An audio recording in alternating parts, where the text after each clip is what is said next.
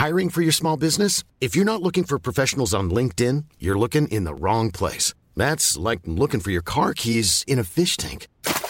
LinkedIn helps you hire professionals you can't find anywhere else, even those who aren't actively searching for a new job but might be open to the perfect role. In a given month, over 70% of LinkedIn users don't even visit other leading job sites. So start looking in the right place. With LinkedIn, you can hire professionals like a professional. Post your free job on linkedin.com slash people today.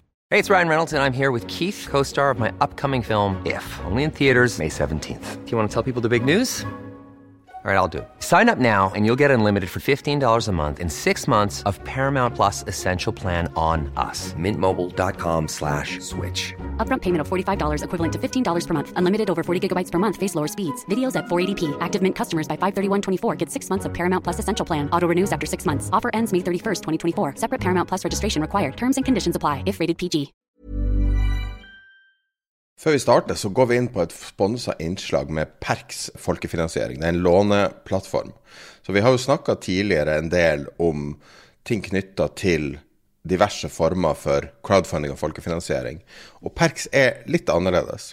Så de er eneste norske formidler av folkefinansierte lån til privatpersoner. Så eh, det du kan gjøre med å være kreditor, f.eks., så vil du opptre som banken her. Og da kan man kutte ut banken som mellomledd. Eh, du kan investere i lån eh, som kreditor, og da får du opptil 12 rente. Eh, de fleste lånene er sikra med pant i eiendom. Perks utfordrer på så måte tradisjonell finansiering med å kutte bankene ut som et mellomledd. En annen positiv effekt med dette er skatt. Så i dette systemet med Perks folkefinansiering, så betaler du kun 22 eh, skatt av gevinst, mens aksjesparere er 35,2% Og ifølge statsbudsjettet for 2023 så er det opp til 37,84 For å eh, bli kreditor eller låne penger i et Perks folkefinansieringslån, så oppsøker du perx.no. Så enkelt er det. Eller google det. Perks folkefinansiering inntil 12% avkastning. They mistook leverage for genius. Leverage for genius. I would recommend Japan. The governments don't rule the world. Goldman Sachs rules the world. Velkommen til episode 187 av podkasten 'Tid er penger', podkast med Peter Warren. Jeg heter Sverre og er produsent, og i dag skal vi snakke om Starte med litt sånn ranting fra Peter. Kaste, diverse måter å kaste penger ut av vinduet på. Eh, ellers så er det snakk om markedet etter hvert. Kommer vi inn i det, på det. Smittetall fra Kina, United på børs, strøm Diverse. Vi har mye forskjellig. Peter har da sier at Black Week blir til Green Week, som det så fint høres. Men uh, vi uh, En del markedssnakk. Um, ellers så skal vi se litt på gode selskaper som Eller gode produkter som likevel taper penger. Og, og, Peter skal forklare litt hva er egentlig greia med Euronext Growth. Så kanskje vi går i gang med episode 187. Ja. Uh, skal vi snakke om noe annet enn markedet i dag? I hvert fall fra start. Det har vært så mye kaos i et halvt år nå. Og det er litt fred, egentlig, denne siste uka. Litt rolig, litt lavere volatilitet. Viksen er på 22, og vi har ikke de enorme utslagene, med unntak av flyr på nedsida og sånn. Skal vi snakke litt om andre saker vi har tatt opp? Det kan vi godt gjøre. Apropos Vixen var jo helt nede i så vidt det var over 20. Så, men vi kan, vi kan godt snakke, snakke, om andre ting. Men uh, det første jeg har lyst til å snakke om da, det er, uh, det er, fordi finansministeren har jo vært veldig klar på at man ikke skulle At nå gjaldt det å ikke bruke penger. og og masse, masse infrastrukturprosjekter og andre ting har vært kansellert.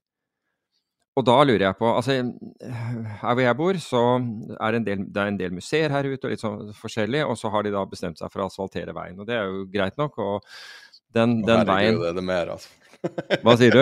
Skal du begynne å kjøre mer på asfalt nå? Nei, nå skal jeg ikke kjøre på asfalt. Nå skal jeg på, på sløseri. Fordi det har vært sånn pga. at de har drevet, drevet, og jobbet, så har det vært sånn uh, manuell dirigering av veien. Og det er ikke mulig å, å kjøre forbi biler uh, her. Så så det blir en del venting i forbindelse med det. Men så mens de holdt på å asfaltere, da, så, så laget de Det, var, det er to uh, busstopp som er like ved Kongsgården.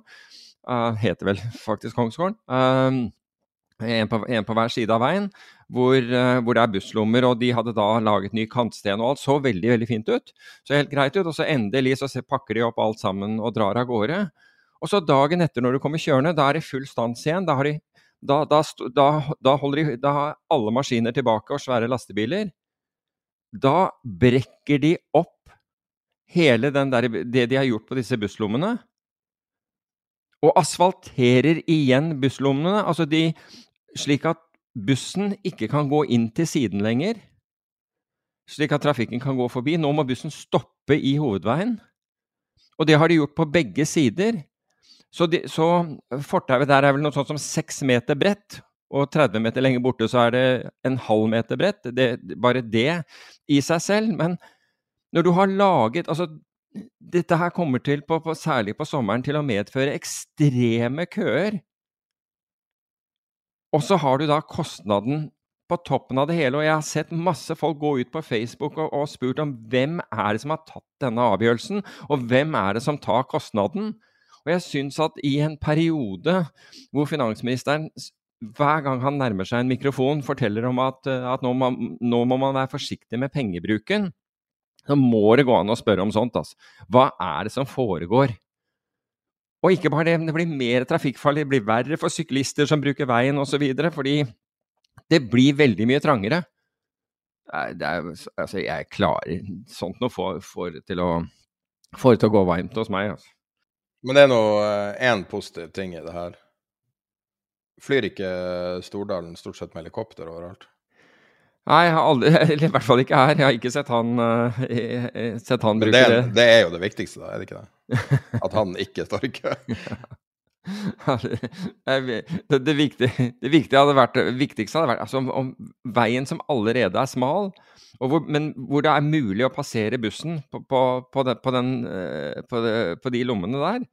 Og så tar man og oppgraderer lommene. Jeg føler det er en ganske liten sak sammenlignet ja, ja, med veldig mye helt, som skjer. Jo, men jeg er helt enig, men, men det er den derre det, det, er respekten Gud, for en utrolig ja, men hør her, det, det, er respekten for folks penger. Altså, folk betaler da alle mulige skatter for dette her, for dette er jo en del av det vi betaler for gjennom skatten vår. Og så var det laget pent. altså det var det, er jo myndighetene som har bestemt liksom, at man skulle asfaltere, og det var myndighetene som har bestemt garantert at man skulle da bruke høyere kantsten og sånt og bygge opp uh, busslommene og gjøre alt det der. og det er jo greit det, er slik at det er lettere å komme om bord i busser og hele greia. Men man gjør hele det arbeidet ferdig for dagen etter å rasere det. Og hvis det, hvis det er én ting som symboliserer planøkonomi, så er det å grave et hull og så sender du et nytt team ut for å fylle det igjen neste dag. Ja, det er et godt eksempel. Ja, dette her er et ekstremt godt eksempel. Og, og det har liksom vært sånn harnisk av, av, folk som har sett dette.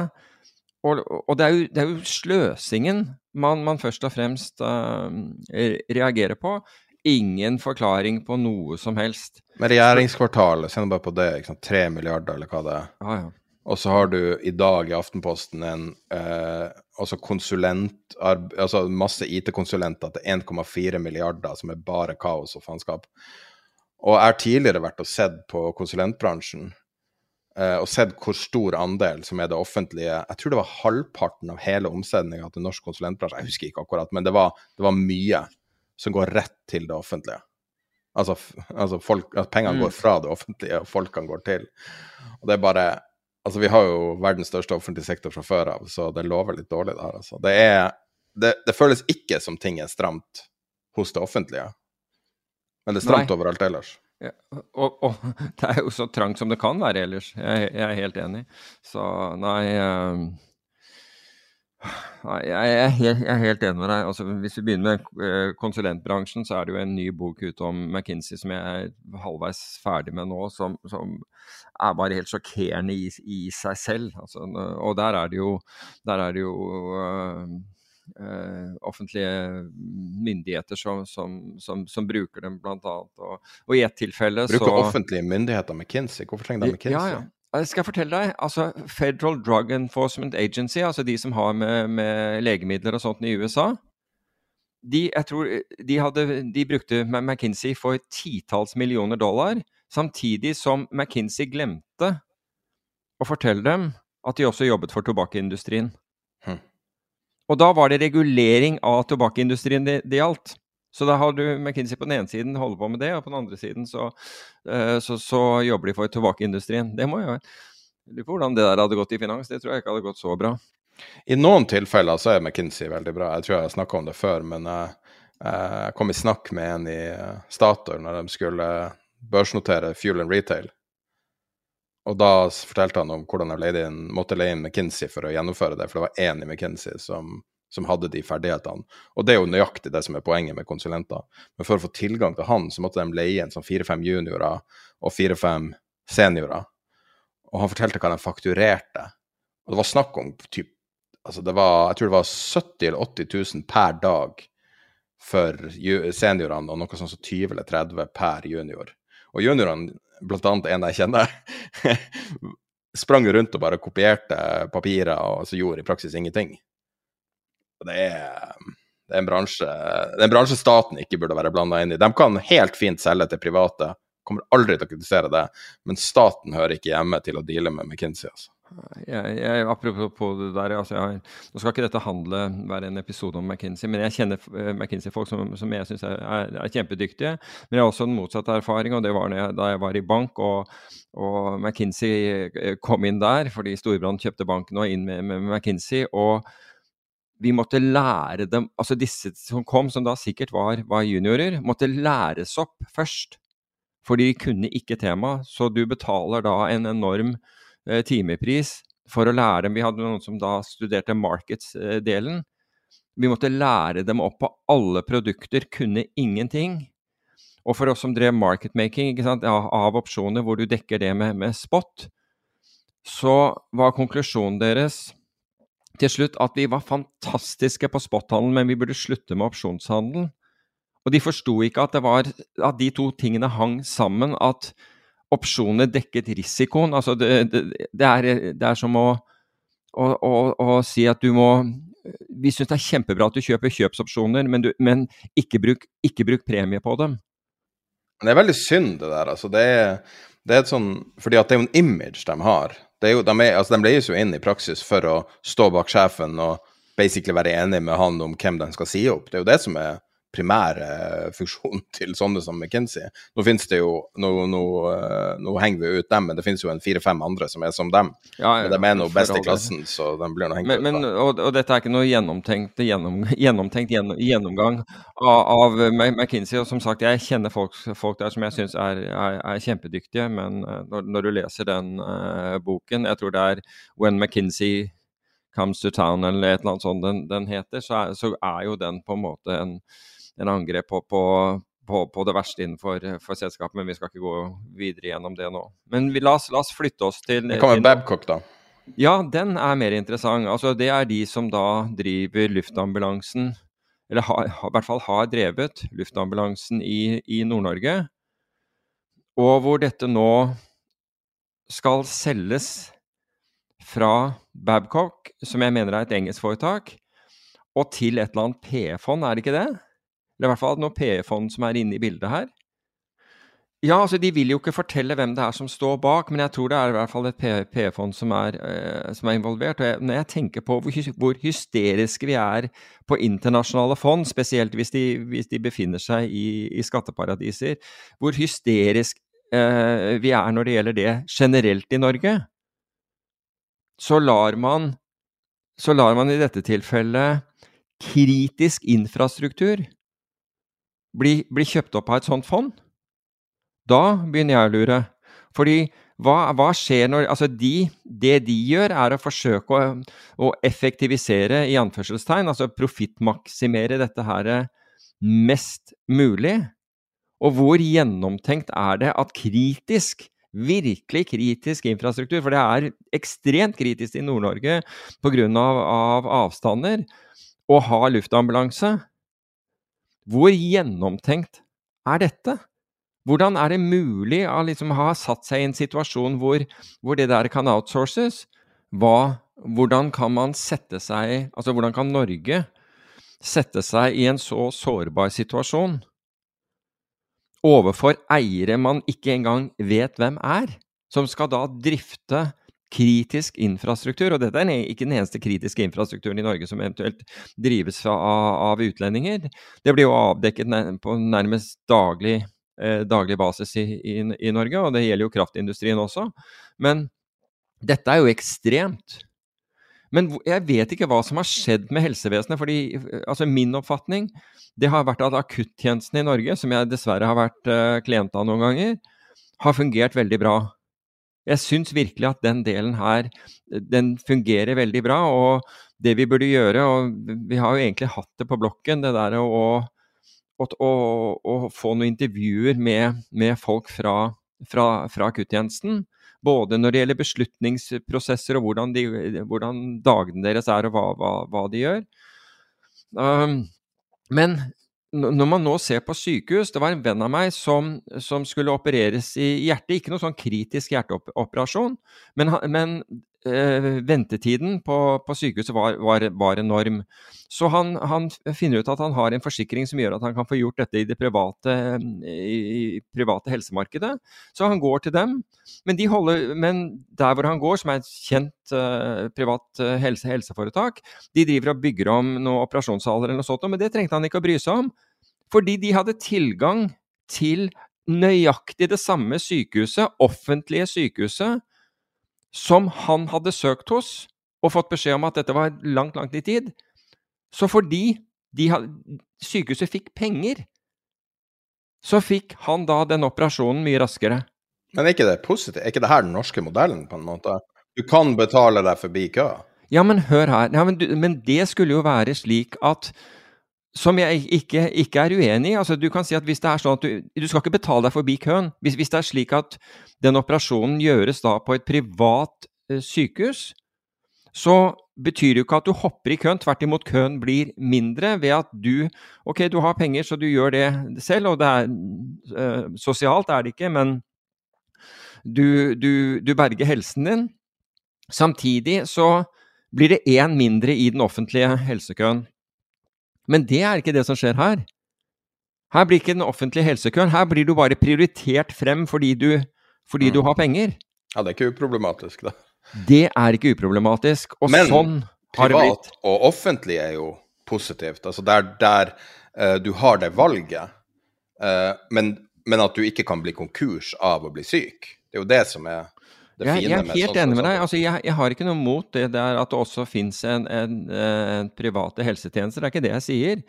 Fordi det, det, kan være bra for begge parter. Det kan være bra fordi det, det, er bra for den som har penger og vil bruke penger på det.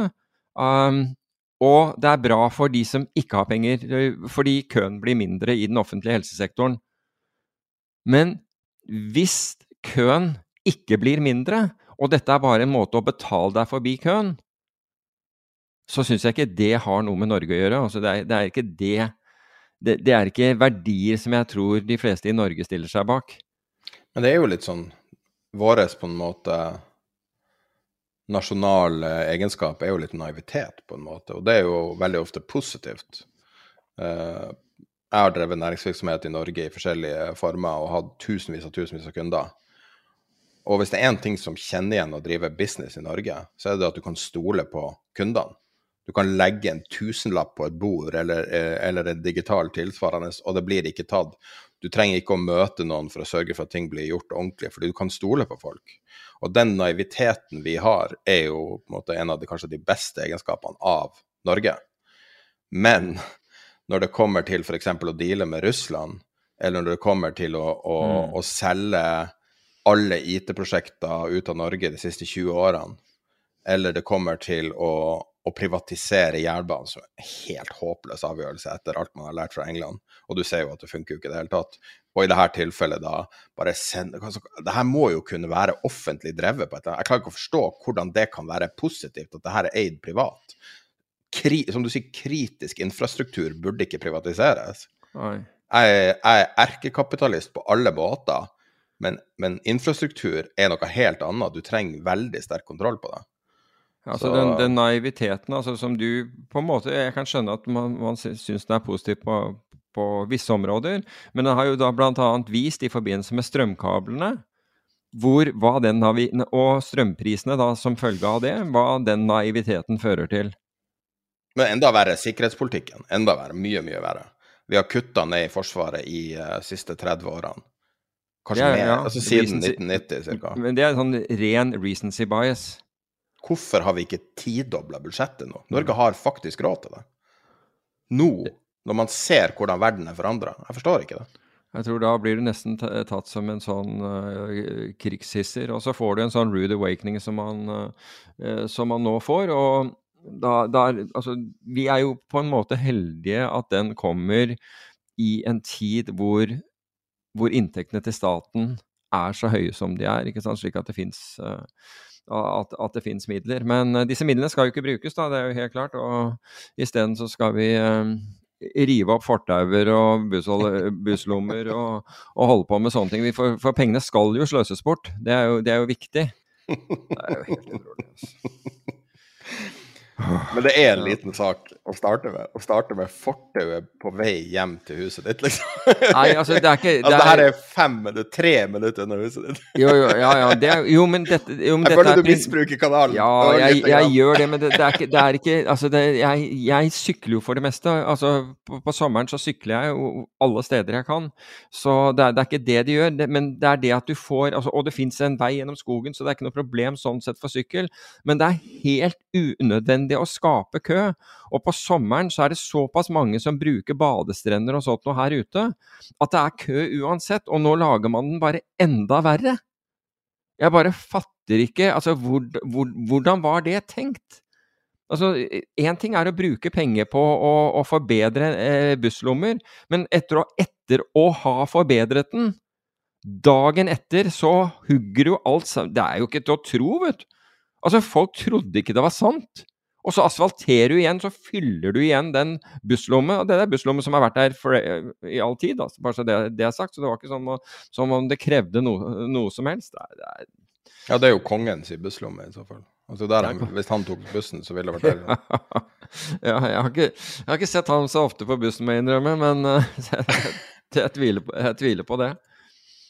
Men eh, og, og, og når, de, når de forflytter seg, så kan de også forflytte seg med blålys, og det er litt, litt, litt annet.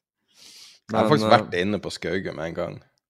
Det var mye eh, våpen og, og vakter, altså. Jeg var litt overraska over at ja, Det er veldig altså, positivt at de er ordentlig beskytta, for jeg kan tenke meg det er nok av Ja, gærninger. ja, og, og de har oppgradert det, det betydelig de, de, de, senere årene, bare så det er sagt. Så, og det, det er jo altså det er helt greit. Og det har, det har vært masse arbeid i, i forbindelse med oppgraderingen av, av det, og det tror jeg ingen har Ingen har noe uh, problemer med. Men uh, nei, så jeg, tror, jeg tror ikke er at Hans Majestet som, som først og fremst kommer til å, til, å, til å merke dette her.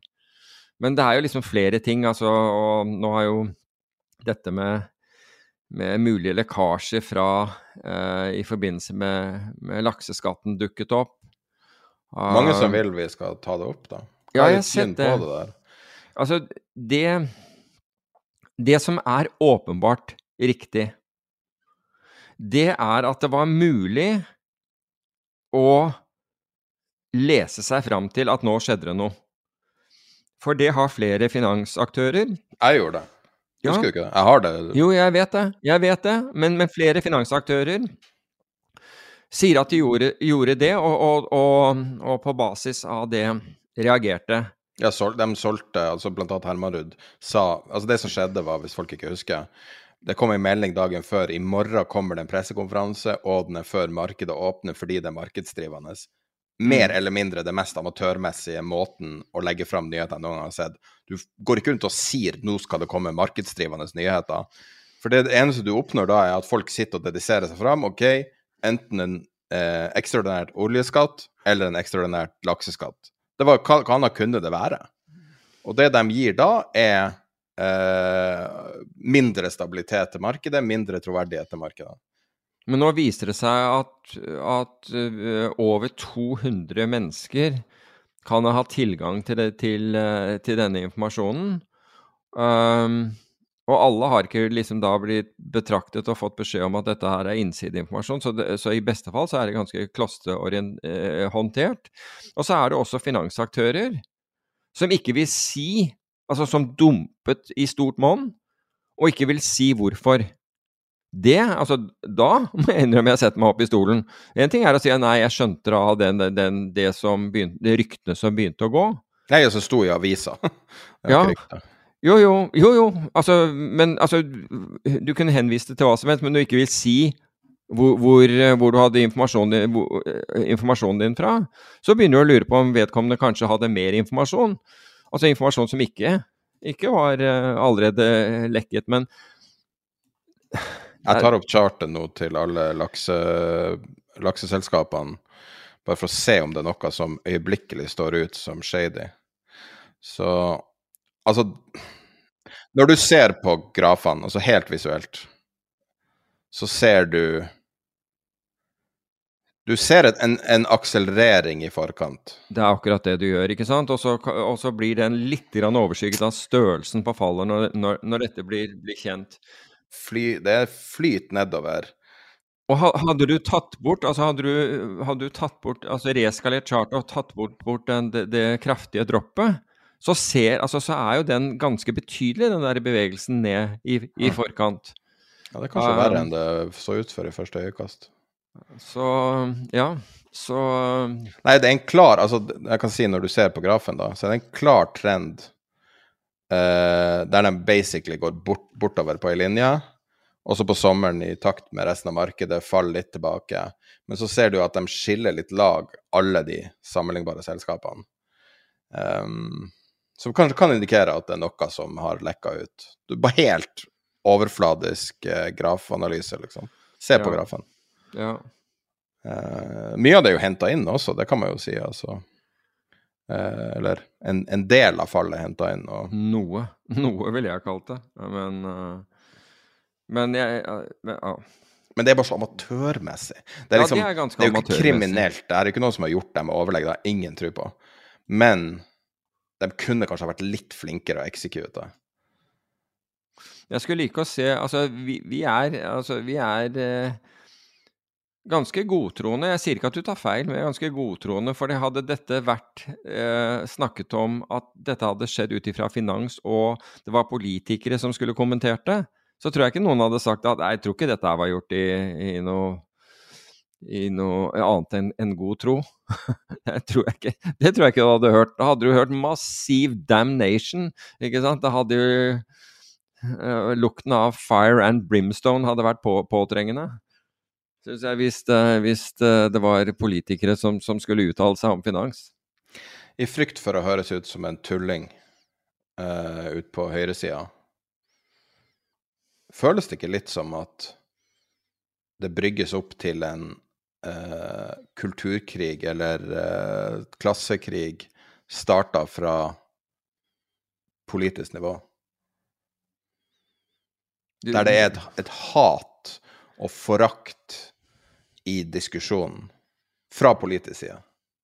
Jeg har aldri sett det før, og aldri tenkt tanken før, og liker ikke å bringe det opp engang, fordi at det er så unorsk som det kan være, syns jeg.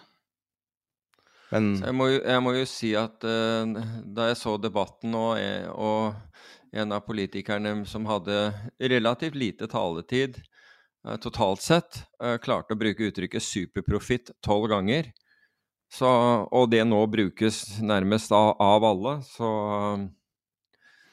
eh, så er det klart at det er en viss sånn der mismatch. Ja, eller at det er lett å tjene masse penger på barnehager. Nei, det tror jeg ikke det er lett i det hele tatt.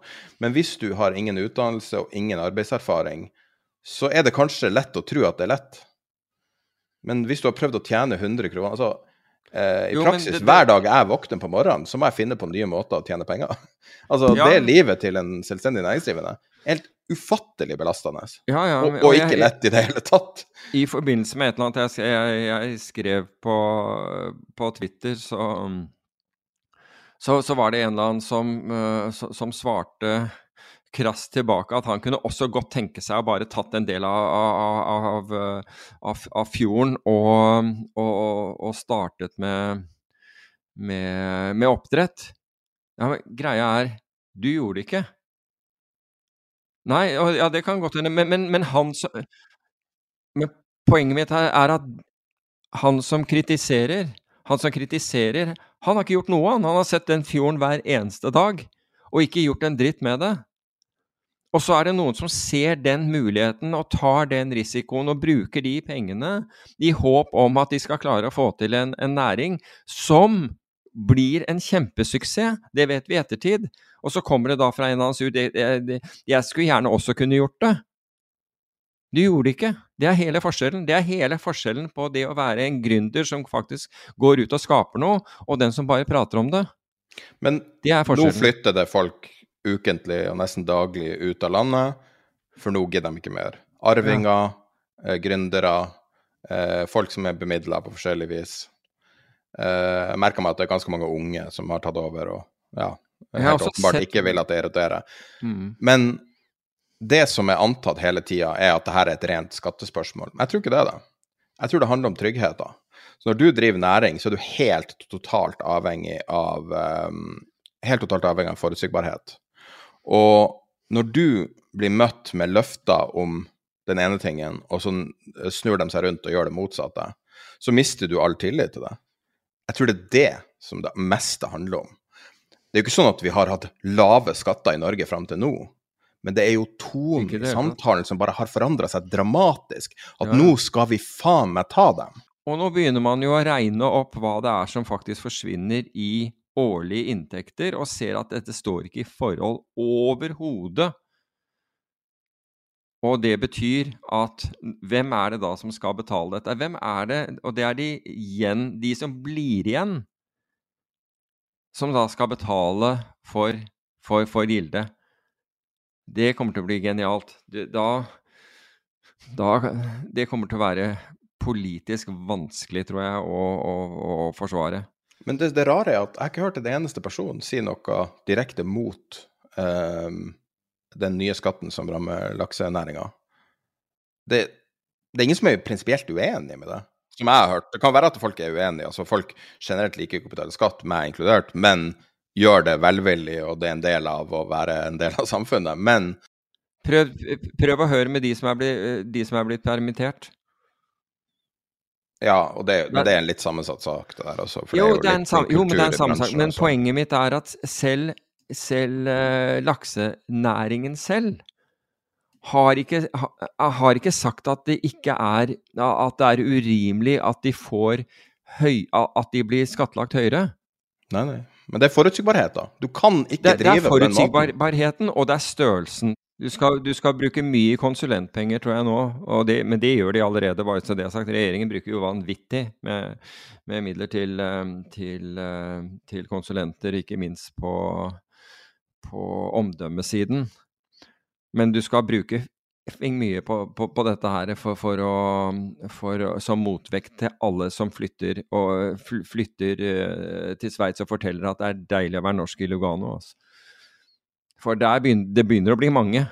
Men igjen, altså, vi, vi snakka om uh, vår interne regel om ingen politikk. Dette er ikke politisk, men det er liksom folkeskikk. Det er å være anstendig. Hvis du sier du skal gjøre noe, så gjør du det. Du holder ord.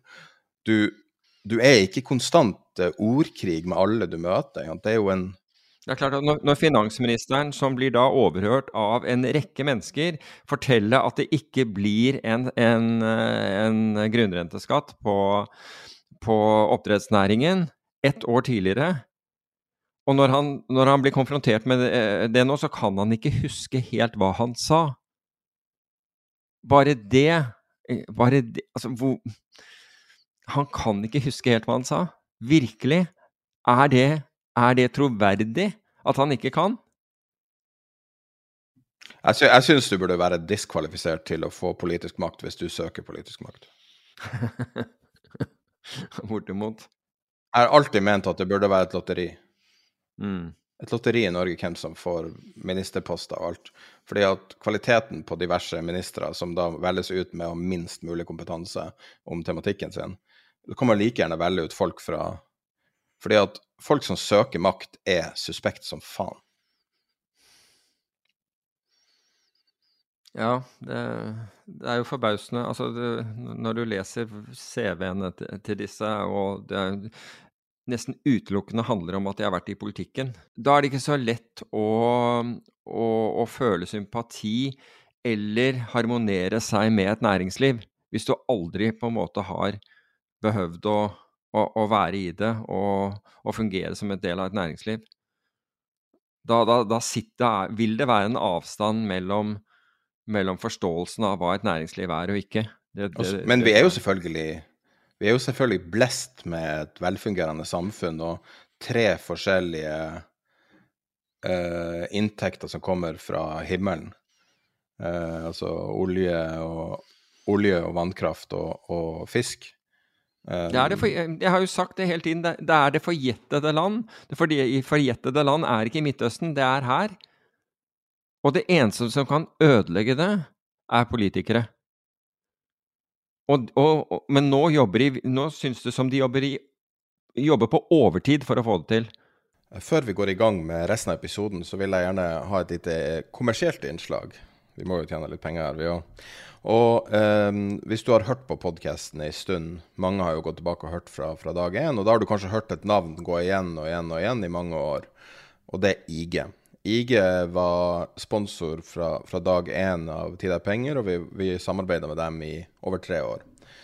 Og eh, vi har nå hatt et sponsa intervju for to uker siden der vi fikk vite mer om det moderne IG. En tradingsmegler som tilbyr over 17 000 markeder. Det er eh, produkter som opprinnelig var det CFD-megler, nå er det mer differensiert med mange forskjellige produkter. De tilbyr produkter med giring, det er like lett å gå long som short. De tilbyr forskjellige produkter, CFD-er som du kanskje kjenner, Contract for Difference. Eh, I tillegg så har de et produkt som heter Turbo24. Og så har de også eh, diverse indeksopsjoner. Eh, det som er fint med IG, er enkelheter. Og Eh, jeg har sjøl eh, lekt meg rundt på plattformen etter det intervjuet. Jeg ble inspirert av å høre på, på, Erik snakke om IG, og ville gjerne se det, selv om jeg brukte det før, ettersom vi hadde et lengre samarbeid. Og veldig imponert over det, det de hadde å legge fram, og, det som for meg står ut som en veldig positiv ting, er enkelheter. Nå er jo dette også veldig risikabelt, og det gjelder jo all trading. Med IG så har vi inntrykk av at de legger stor vekt på at kundene ikke skal tape penger. Det er dyrt for dem at kunder taper penger. Det er dyrt å finne nye kunder når de forsvinner. Og IG har et veldig stort fokus på det, og, og, det er veldig positivt. Så det er mye opplæring, mye hjelp du får av plattformen for å bli bedre. Du kan automatisere handler, eh, du kan integrere i mange forskjellige plattformer. Vi kommer til å ha et par sånne spotter og gå litt mer inn på det.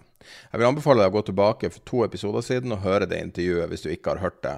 Eh, med Erik Lindén fra IG. Da får du litt mer eh, syn på det. Så det her var slutten på et lite sponsa innslag om IG. IG.com, IG.no. Aldri funker. Du kan google IG. Og som alltid, gjenta, det er høy risiko med, med all trading. Men la oss, gå, la oss, gå, til markedene i forrige uke, fordi, fordi det, var Black, det, var Black, Week i, i butikkene. Men, var, men, i hvert fall på min skjerm så så det ut som det var Green Week på, på, på, børsene, for det var veldig mye grønt. Men det er ikke alt det grønne som nødvendigvis er, er eh, positivt. fordi det er, altså Når eh, elektrisitetsprisen på, på Nordpol for første kvartal 2023 stiger med 17% så er jo faktisk ikke det noe vi syns er eh, positivt.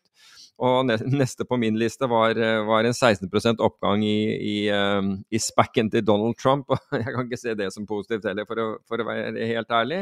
Um, uh, britisk og, og, amerikansk naturgass steg mellom 6 og 12 mens den europeiske falt med, med, med 5 og, men, men Peter, hva skjedde med Manchester United?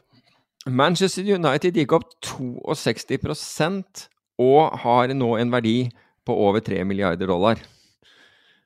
Nå høres jeg veldig Det er ikke så mye, det, da. Tenk deg hvor stort, stor merkevaren er, og det er ikke så mye penger, egentlig. Ja, det, det, som var, var, mest, eh, var, eh, det mest oppsiktsvekkende med det, det er den tidligere sjefsøkonomen i Goldman Sachs, Jim O'Neill, som er over gjennomsnittet fotballinteressert, og som mener jeg ledet et oppkjøp, eller forsøk på oppkjøp av ManU i eh, var det 2010 eller et eller annet sånt. Han sa at Det var noen som sa, sa et eller annet om, om verdien på, uh, på hva han mente Manchester United, eller, eller den, den, om denne verdien som var i dag. Og han sa han visste ikke akkurat hva den var, men uansett hva den var, så var den for høy. Så det var litt, spe, litt spesielt uttalt av han. Men um, Ja, han er vel brite, skal jeg tro. Ja, han er Ja, hvor, jeg tipper han er fra Newcastle eller et eller annet sånt.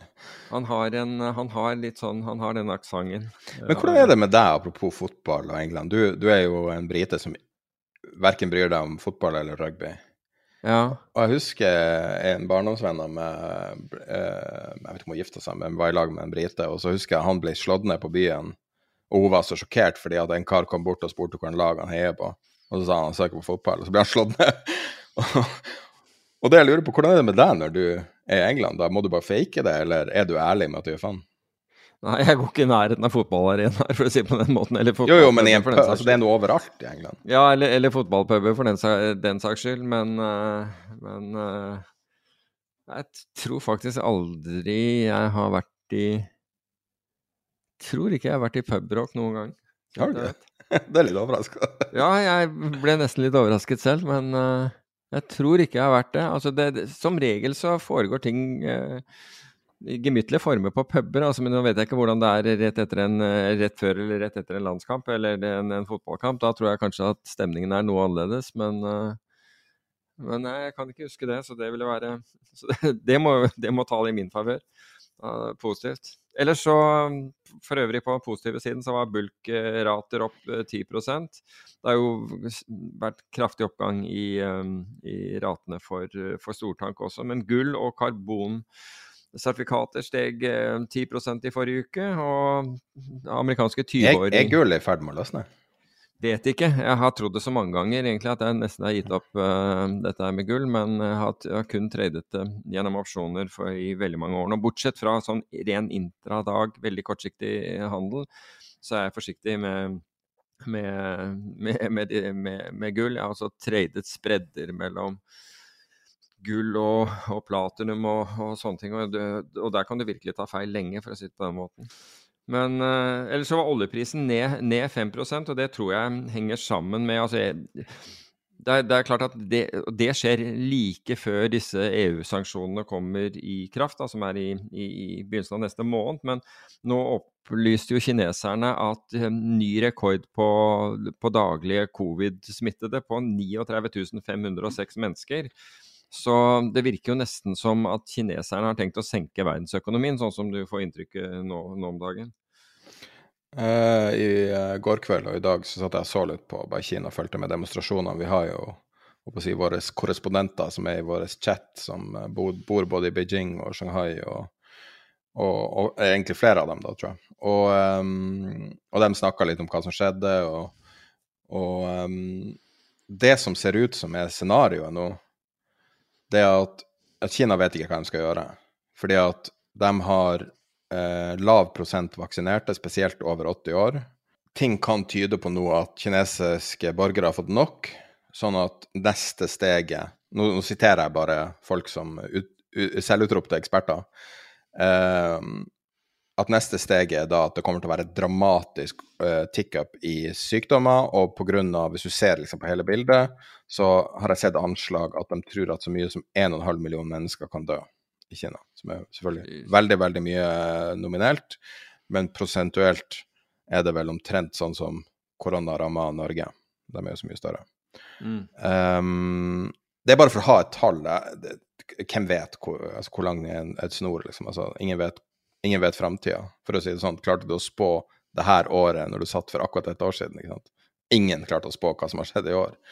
Men, men det er noe estimatene jeg har sett. sånn at det er litt mer logisk å skjønne hvorfor Kina har gjort det her covid zero-kjøret så hardt. Fordi at de klarer ikke å få vaksineringa til å bli Altså vaksinene i seg sjøl kan man stille spørsmål med, men mm. også da prosenten som er blitt vaksinert. Sånn at de har egentlig ingen alternativ. Det er litt sånn Tina der også, there is no alternative. Um, og, og, nå er da neste steg Det virker som de ikke klarer å holde tilbake tidevannet lenger. Ja, Så nå må, bare, nå må, de bare bli syke, hele gjengen. Jeg, jeg, vet, altså det her er, Nå siterer jeg igjen, jeg vet ikke, det er umulig å si, men, men det hørtes troverdig ut. Jeg, jeg, er, jeg, er, faktisk redd for at de, eh, at eh, de, kommer til å virkelig påvirke verdensøkonomien negativt. At, at det blir Altså nå, nå, står man altså, Det er jo ikke mer enn en uke eller to siden man, man spekulerte om gjenåpning, og, og, eh, og nå er vi da på, på et Nå er vi altså to uker senere, eller maks to uker senere, så er vi på, på et på ny smitterekord og, og isolering. Så det er jeg, jeg, tror Kina kommer til å bli ekstremt betydnings, betydningsfullt for, for, hva som skjer nå, nå, den nærmeste tiden. Og hvis du ser på, på markedene da, sånn generelt, så vil jeg jo si at aksjemarkedene altså det, det, som det virker, i hvert fall på diskursen, og det, det jeg leser i, i mediene, og, og, altså bare omtalen av markedene og, og håp og, eller, for, og, forventninger, er at det man tror minst i øyeblikket, det er på et stort fall. Og det er rart i seg selv.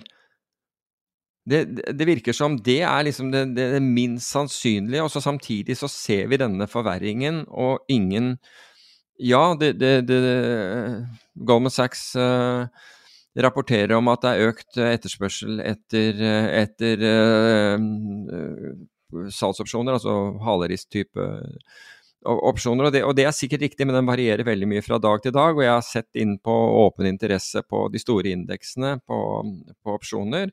Og det er en større tetthet til, til nedsiden. Men der hvor du ser hvor enkeltstriker som har veldig mye opsjoner, det er gjerne til oppsiden. Så det vil være calls, faktisk. Men tettheten er, er, større til nedsiden, så folk har nok begynt, begynt å dra på litt mer på, med, med beskyttelse, i hvert fall de, de, de, positive.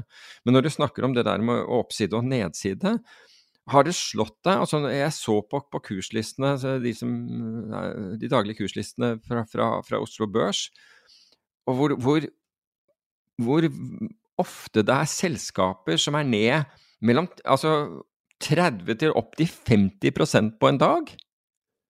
Vi har jo ikke hatt sånn tidligere. Altså, tidligere var det et dramatisk fall at noe falt 12% 17% eller kanskje 20 Nå er det liksom 30-50% Og så er det Så det vi har snakket om, at aksjer kommer alltid opp igjen, og alt, alle disse herre disse her slogan som har vært brukt i, i, i alle år Altså, det har forandret seg dramatisk. Og jeg syns det har forandret seg ganske dramatisk på, på, på Oslo Børs også, men men jeg tror det, det henger sammen med det, altså For å være helt ærlig, så uh, tror jeg det henger sammen med at, uh, at, at Euronex uh, tok over, og, og, at dette blir drevet mye mer kynisk kommersielt enn tidligere. Men det er en påstand fra min side, selvfølgelig. men jeg kan vi komme tilbake til Euronext etterpå? ja, det kan, vi godt, det kan vi godt. Men jeg syns de utslagene er store, da. Det var det som Men jeg har kommet over en graf som liker ikke overlays, liker ikke sånne historiske grafer å være for religiøs med dem, men den her var litt, litt, annerledes. Det var litt hvordan det hadde satt opp. Så eh, finnere, eh, Altså margin, margin mm. margingrad eller margin Altså belånte posisjoner mm. beveger seg i en viss rytme. Og eh, så var det et selskap som heter Top Down jeg tror det, Nei, det er kanskje Refinitiv som har laga det. Eh, som har satt sammen markedet på en litt annen måte, bare.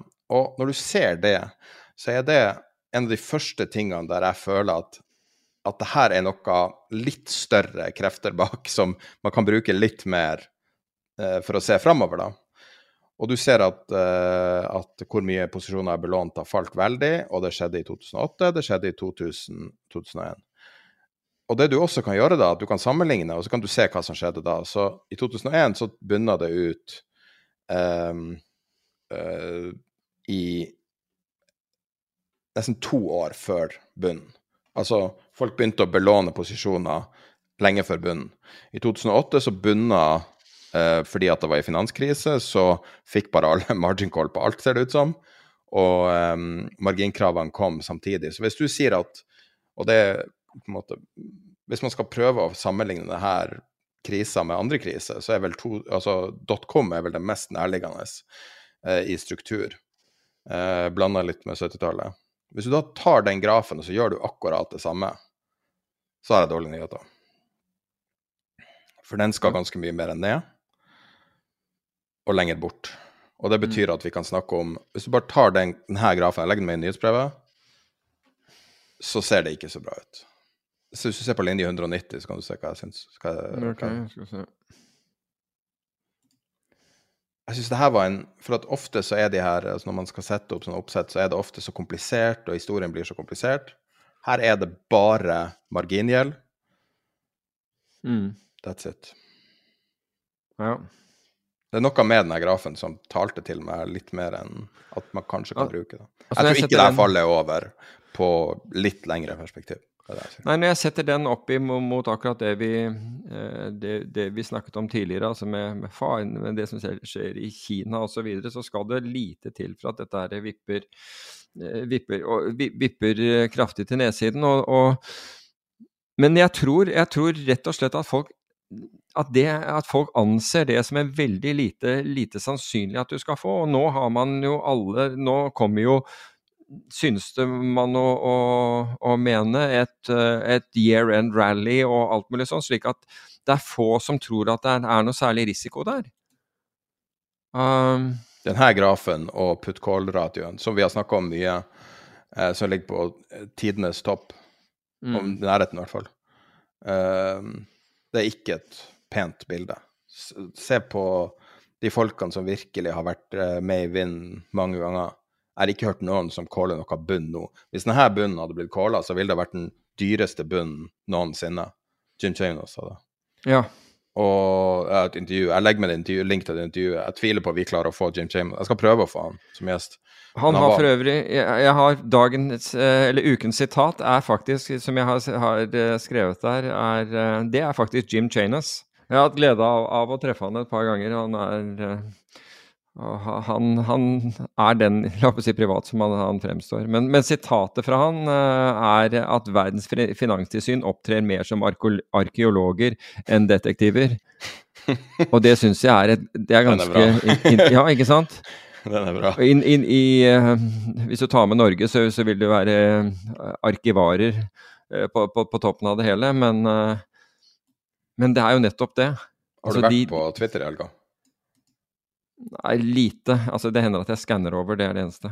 Det var en galning som kaller seg Bitboy, Ja, ja, nei, det, som jeg får, blir fortalt av dem som kjenner krypto godt, at han er ikke noen som man skal ta så veldig på alvor.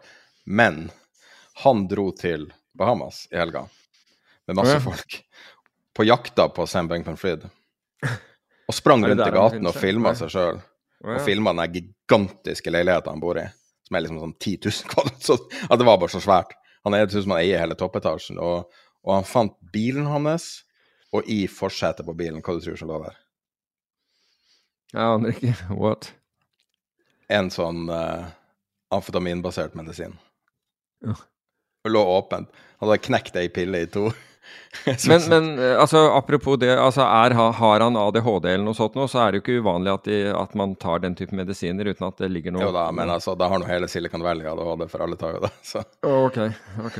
så eh, kan Det er også sånn- mulig det er så mulig at hele Silicon Valley har, for den saks skyld. Skulle ikke forundre meg. Men, Men det var nå litt artig. Det var også som en film. liksom. Han finner den her Toyota Corollaen hans. Artig å Mm. kjøre Toyota Corolla. så, og så ligger det en datamaskin i baksetet og amfetamin i forsetet. det, var, det var spesielt. Jeg anbefaler å gå, bare gå på Twitter og søke på Bitboy, så finner du han fort. Men ikke ta han så veldig på alvor, tror jeg. Nei, for, for øvrig, apropos det der med, med markeder og så drev eh, Goldman og, og filosoferte rundt dette her med altså det der Du skal alltid sitte fullinvestert og, og sånt noe. Og argumentene fra disse annet som sier at du alltid skal være fullinvestert, det er at hvis du unngår de, de ti eh, beste dagene eh, på året, så, eh, eller ti, eh, så, så får, du, får du elendig avkastning. Men da hadde Goldman eh, Sachs eh, gjort en, en undersøkelse over hva hvis du unngikk de ti verste dagene. Og hvis du gjorde det, så fikk du nesten tre ganger så høy avkastning. Tuller du? Nei. Wow. Så det var vesentlig mm, eh, større forskjell på å unngå de ti verste dagene enn Wow. det å ikke få med seg de ti beste. Det det er signifikant, altså. Ja, det er ganske signifikant. Da ser de vel kanskje at vi kommer ikke tilbake med det første, så nå må de begynne å være litt mer ærlige. Mm. Tror du det blir et sånt tapt tiår? Jeg mener, jeg, jeg tror at Nicolai Tangen tror det. Jeg tror han har sagt noe, no, noe, sånt nå. Ja, søstera mi var på foredrag med han i forrige uke. Ja, ja. Jeg, jeg har ikke tatt altså, jeg, har ikke, ja, jeg har ikke Jeg har ikke um, tenkt på det sånn, annet enn at eh, det er mye, det er mye motvind. Opplagt. Men tenk deg, hva skal til for å få pengemaskineriet i gang igjen? WC, for å få eh, WCPE, bank Altså Alle de her tingene som får ting til å skje. Ja, men ap apropos det med WC-er og så, videre, så så hadde jo Financial Times en, en, artikkel, og jeg så Wall Street var også inne på dette her, hvordan man tiltrakk seg fortsatt penger, Man Group, altså innenfor krypto. Men det går på spesielle ting, og det går innenfor, innenfor blockchain. Og det har også sammenfall med at flere av sentralbankene uh, vurderer å bruke blokkjeden, altså i, i, forbindelse med digitale sentralbankpenger. Ja. Så, så, det er ikke som om hele dette, altså alt rundt krypto, har, har implodert. Um, tvert imot. Altså, og Man Group hadde jo fått inn penger til fond, og, altså, og, dette skjer nå etter at dette har skjedd. Så å hente inn mot, mot altså, sånn som Så mye negativt som har vært, men det, det, har, jo ikke, det har jo ikke gått på på, på anvendelse av blockchain uh, i, i, det hele tatt. Nærmere tvert imot, for det har jo ikke vært den desentraliserte delen av finansen som har, som, som har gått galt. Det er faktisk den sentraliserte. Så. Men jeg tenkte det var, det var i hvert fall eh, verdt å, verdt å, nevne. Ja, og Japan skal jo teste det digitale sentralbankpengene nå. Ja, Storbrit Storbritannia holder på å, å, å teste. Norges Bank vurderer det. Mm. ECB, Fed. Og det er litt sånn ekkel framtid, altså. Og jeg vet at er det i Er det Jo, det er i Europa hvor man vurderer disse uh, carbon credits og, og, og, legge det på blockchain også. Så man har funnet anvendelse. Ja, ja. Men for en, eh, hva for en hammer, så er alt en spiker eller noe sånt. Altså hvis man på død og liv vil bruke det, så kan man sikkert bruke det. Jeg mista helt i det siste. Jeg mista Altså når FTX røyk, og du ser alt ryker, og du ser hvor mye tull det er under overflata så jeg begynte, å, bikke, jeg begynte å bikke i favør av krypto. Ja, men mye av, tullet har vi jo syntes har vært tull hele tiden. Det er bare FTX har andre... ikke vært tull. Nei, nei, nei. nei nå, nå, nå, snakket jeg om, om, valutaene. Og teknologien bak selve børsen, som en rekke, har, altså, som en rekke teknologer har, har sett på, den skal være eh, robust og bra. Men det hjelper jo ikke når du stjeler pengene til kundene. Og donerer 700 millioner til politikere. 700 millioner kroner donert til politikere. Mm. Og da ser du det funker. For han er fri. Og han der karen som oppsøkte han i Bahamas, sier, altså dem som han møtte lokalt, sa at han er den eneste som har kommet for å snakke med han. Det har ikke vært noen der. Wow. Han er jo blitt avhørt av lokale myndigheter, da, det vet jeg, men uh... Jo, jo, jeg vet det, men uh, spørs hvor mye han har blitt avhørt, og han har slått av en prat med dem, virker det som er det som. Okay. Men det var seks eller syv um, Om det var sena senatorer eller om det var Representantenes hus, husker jeg ikke, men som protesterte mot at SEC etterforska han, for de mente at krypto var uregulert. Mm. Og de syv stykkene har fått penger, alle sammen. Og den som fikk minst penger, fikk 20 000 kroner. Så da vet vi hva det koster for en politiker i USA. Ja. 20 000 kroner. Så, så, you have him in the bag, ja. Husker du for øvrig eh, forrige Da vi snakket om dette, om, om fond og disse, disse, anbefalingene som ikke sto i, i, i uh, forhold til altså utviklingen på meglerhusenes anbefaling ikke sto i, i, forhold til utvikling på fondene, så snakket du også om dette her, at det var viktig når man kjøpte og solgte på dagen osv. Men der er det gjort en, en undersøkelse nå at hvis du, hvis du, kjøper Dette gjelder USA, da. Hvis du kjøper på åpningen, og dette, denne går helt tilbake til 1993 Hvis du kjøper på åpningen og selger på slutten av dagen, altså du sitter gjennom hele dagen Fra 1993 til, til nå så har du fått negativ avkastning på, på, på pengene dine. Hvis du derimot kjøpte på close og solgte neste dag på åpningen, så er avkastningen din 1100 Det er ikke dårlig, det. Så når børsen er åpen, da tjener du ikke penger. Du tjener penger når den er stengt. Alle, ja, men ja, det er jo ikke så veldig rart når uh, du legger ut frem tall etter stengetid, da. For eksempel, for eksempel, de tallene kan jo gå begge veier. Ja, men i aksjemarkedet går jo alt én vei over tid. ja, det er det de sier. On a long enough timeline. Det er det de sier. Men jeg ville bare nevne det i forhold til det du sa, at eh, Veldig, veldig bra stett. spilte, spilte en rolle når man handlet. Du fikk mye feedback på det diktet forrige gang. Jeg, jeg ble, jeg fikk litt sånn Jeg fikk, jeg fikk en sånn klump i halsen av det, nesten. Yes. Ja, bra jobba. uh, nok en hyllest. Det hvis du ikke har hørt uh, Hvis du ikke hørte forrige episode, og, og eller du ikke får nyhetsbrevet, så ligger det nederst i nyhetsbrevet Mm. trygt også. Men um, um, hva, du, hva du syns om det som skjer i Sverige? Når vi først er marked, altså Vi snakker jo ikke så mye om svenske renter, men 75 basispunkter i forrige uke. Eh, andre eller tredje gangen nå. Um, og det her rammer Sverige hardt. Norge har jo vært veldig forsiktig med å heve, sammenlignet med nesten alle andre land. Og i Sverige så ser du da eh, gjeldsveksten for husholdninger er i praksis altså på veldig god vei mot negativ. Mm. Og det er jo veldig bra at folk betaler ned gjelda si, men det er ikke bra for økonomien at du har netto, netto innbetaling. Og hvis du trekker tilbake til eh, 2000, så er vi det nest laveste, og det var bare én spike rett etter .com nedover, og resten um, Er de forut nå og kommer til å vinne på det senere, eller gjør de et feilsteg her? Eller er det to forskjellige situasjoner i Norge og Sverige? Jeg tror det er forskjellige situasjoner i, i Norge og Sverige, ehm, mens eh, på, på, på mange måter. Men om de går for hardt til verks her altså, det, det, er, det er virkelig et spørsmål om, om de gjør, og spesielt når du ser på eiendomssektoren. Så det kan godt hende. altså Bare se hva som har skjedd på eiendomssektoren i, i, i, i Sverige. Og, Men de hadde jo negative renter, ikke sant? Ja, ja. Det er helt riktig, det. Var det det som var feilen? Var det der forskjellen var? Altså, du, du kan si at du, du kan jo godt ha negative renter, men du kan ikke ha negative renter særlig lenge, da. Altså, negative renter har du for å, å, å, å dirigere kapital. Det er jo det du gjør, ikke sant. Vekk fra, fra, fra bankene, og, og, og at du tvinger folk. Det var jo det man gjorde med å, med å senke og senke og senke. og Først, først eh, sentralbankrenter, og deretter obligasjonsrente ved at eh, ved at sentralbanker kjøpte obligasjon, opp obligasjoner. Og når man gjør det og obligasjonskursene stiger, så faller renten. Um, så var det jo for å tvinge penger over inn i økonomien.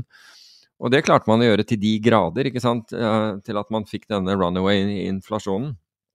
Det er jo det er akkurat det som har skjedd, så Men ser man på svenskekrona, så ser ikke det ut som et sånn vanvittig genistreik. Altså, jeg ville ha trodd at svenskekrona skulle bevege seg betydelig mot norske, basert Mm. på, på rentediffen, men uh, det, Så langt ikke, men plutselig kan det, det skje. Men altså, det er jo Ja. veldig risk, off, risk on trade, norske kroner, så jeg vi vil veldig se det på en neddag. Mm. Mm. Mye mer enn svenske og svenske ja, er jo en del av bl.a. DXY osv. Um, en rekke selskaper i kryptoverdenen har jo eh, finansiert seg gjennom obligasjonsmarkedet. Um, blant annet Coinbase, MicroStrategy. Mm. Har du vært og sett på gjelda der?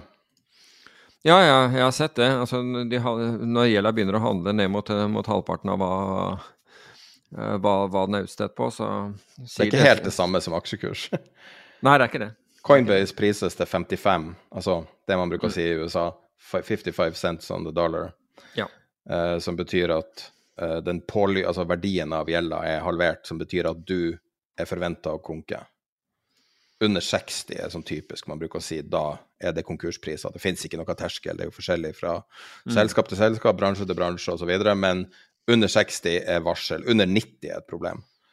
Uh, MicroStrategy 34. Mm. Så hvis, på, det, så hvis du har tro på disse selskapene, så bør du kjøpe gjelda. Det er jo en del som gjør det allerede. Bare så det er sagt. Det er jo en del. Er det en bedre bet på, på bitcoin enn å kjøpe outright bitcoin? Uh, ingen dårlig idé, jeg har ikke tenkt på det. Um, Shorte bitcoin og kjøpe gjelda eller noe Gire, gire kjøpe gjelda og shorte bitcoin. um, det, jeg, må, jeg, må, tenke litt mer på, på den traden, men det, det, kan være en trade. Det kan jo være en trade, det der, hvis du er, eh, hvis er long short-aktig og sier at uh, så lenge bitcoin ikke imploderer fra dette nivået, så, så bør MicroStrategy klare seg. Nå er det jo andre ting rundt MicroStrategy som, som gjør at du, du har selskapsspesifikk risiko der også, men hvis du mener at den risikoen nærmer seg isolert til, uh, til uh, bitcoin, nå vet ikke jeg hvordan, hvordan Det tror jeg ikke det. Den nei, har, det, nei, beveger seg mye på dårlige dager. Ja, altså. ja, Fort 25 ned hvis bitcoin er ned 7-8 yes, Det høres ut som en tilfeldig aksje på Oslo Børs, nesten. Sier seg selv. Uh, kan jeg få lov til å ta opp et tema som jeg har tenkt litt på i det siste? Korthet. Kom igjen. Um, en ting som er sånn Altså, det, det finnes liksom sånn grader av kvalitet på børs på alt, egentlig. Produkter, whatever. Og når du har sett, ser historisk, så er det to ting som har stukket seg ut, som har vært kanskje Med unntak av Apple. Apple er den høyeste kvaliteten du finner. Uh, vil de aller fleste i finans, tror jeg, være enig med deg, inkludert Warren Buffett, som har investert halve fondet sitt. Um, men hvis du ser bort ifra Apple, så vil jeg si at Amazon AWS, men, men, også Amazon som helhet, og Disney har stukket seg ut som to sånn skikkelige vinnere. Så måten folk har snakka om Disney, så har det vært noen som ikke kan tape. Sånn som kanskje Apple er. Apple kan kanskje, kanskje ikke tape, fordi at de har så, de har så eh, sterkt økosystem. Det er ikke noe anbefaling, men altså, det er jo en selvfølge. Mens Disney og Amazon har vært så utrolig sterke. Så Disney har jo hatt altså Det er jo et veldig annerledes selskap i dag enn det var i 2005. Eh, og de har gjort masse, masse oppkjøp og har benytta den sterke posisjonen sin og, og cash og benytta aksjekursen for å kunne kjøpe seg opp og bli en gigant. Har kjøpt Pixar eh, har, eh, eh Eller om de starta, kjøpte Pixar, men de har eier Pixar og har kjøpt Marvel på filmsida. Største hitene i historien. Eh, og de har de her parkene som er på en oppsving, har jeg inntrykk av, etter covid. Og eh, de har eh, filmstudio, de har mange mange ting, mange bein å stå på, og har fremstått veldig solid. Disney Pluss var en megahit. Det var sånn som skremte vannet av Netflix. Netflix stupte i verdi når, når det kom Disney-tall, osv., osv. Og, nå begynner det å komme fram hva som egentlig har skjedd. Og du begynner å se at det her er tilsynelatende suksesser i lavrentetider. Nå er renten høyere, og kjøpsviljen er lavere, og du ser at det her er ikke profitabelt i det hele tatt. Og det brenner milliarder på denne tjenesten. Og det er jo ikke så veldig rart, for du har bytta ut svindyre DVD-er osv. med noen, noen, titall, altså noen titalls kroner i måneden for en hel familie. Det er jo ingenting. Sånn at de har jo i praksis redusert verdien på hele sin portefølje. Og, det var ikke åpenbart før det plutselig kom ut tall. Sjefen måtte gå på, gå på dagen, og de hentet inn sin pensjonistsjef, som var sjef way back, Uh, som ikke er spesielt sterk uh, Han drev et helt annet firma. Og så har du Amazon. Amazon har jo Alexa, som er blitt en ufattelig sterk merkevare. Sånne høyttalere du kan snakke til, osv. Og, så og ideen der var at Amazon var så sterk merkevare de kunne de kunne liksom eh, konvertere de her høyttalerne til vanvittig mye salg. Så hver høyttaler var teoretisk verdt ufattelig mye fordi at de stimulerte til mer handel. Så ser du at det er ingen som kjøper noen varer på Alexa når det er kommet ut rapporter. Og det snakkes om at de har tapt 100 milliarder kroner på det produktet, Amazon. Og Amazon har, har ikke en profitabel litt avhengig av hvordan du ser på det, men i praksis ikke en profitabel nettbutikk. Det går i null eller i minus, litt avhengig av hvordan seksjonen du ser på. Og de er en utelukkende en play på AWS, altså det um, hostingtjenesten deres. Mm. Men det som er så rart med det her, er det her er jo de beste. Det her er jo de beste produktene vi har. Det her er triple A-titlene våre. Ja. Og så er det bare drit. Og så begynner du å tenke OK, hva mer er det som er drit? Og så begynner du å bla gjennom lista, så er det bare Det er jo alt. Og da begynner jeg å stille spørsmålet hvor mye er det som må reprises av de siste ti årene? Hvor mye er det som er sånne håpe- og drømmeideer bak verdsettelsen av de her selskapene her? Og, og det beste eksempelet er jo det der gamle Warren Buffett-sitatet at når, Her går tidevannet ut. Ja. ja, når tidevannet går ut, så ser du hvem som svømmer naken. ja. Og jeg tror ikke det var mange som trodde at Disney svømte naken. Nei, jeg er enig i det. Jeg tror man tar, man, man, man tar de, de, de mer obvious først, og så går man ned, så går man ned listen et, etter hvert. Men det er jo interessant. Og hvis du ser historisk, da, så må du bra langt tilbake i tid for å gå i pluss på Disney-investeringa di. Mm. Vet du hvor langt du må tilbake? 2015. Oh, wow. Det er syv tapte år. En stor bump i covid. Det her er Disney vi snakker om. Disney må kanskje tvangsselge masse ting. Jeg vedder på at vi kommer til å se store salg. Sannsynligvis kanskje at de selger de her TV-kanalene eller noe sånt. Men hvem som vil kjøpe en TV-kanal? Det er jo ikke så mye verdt. Mm. Så um, jeg tror folk som investerer generelt, må bemerke seg det her. Når de store viser seg å være litt uh, mer enn Ikke en bløff, men ikke, ikke noe å, å tøffe seg over. Så tenk deg hvor mye dårlig som er der ute. Du tror at det er the- next big short? Hva da? Disse? Ja, Men nå er de jo ute allerede. Nyhetene er Ja, ute. ja. Jo, jo, men, men det, det, du hevder jo at det ikke er tatt inn over seg. Ja, så hvis jeg skal foreslå en big short, da? Nei, ja, du trenger ikke å foreslå en. Jo da, én en enkel ja. måte å se på det. Aha. Shorte alle selskaper som har justerte resultater. Ja. For, Justerte resultater. ja, altså du har adjusted. Hvis Mm. det står 'adjusted' på regnskapet deres, så betyr det at de tallene du ser, er adjusted sånn som de vil det skal være. Mm. Og det er et selskap som er veldig stort, som gjør det i stor grad.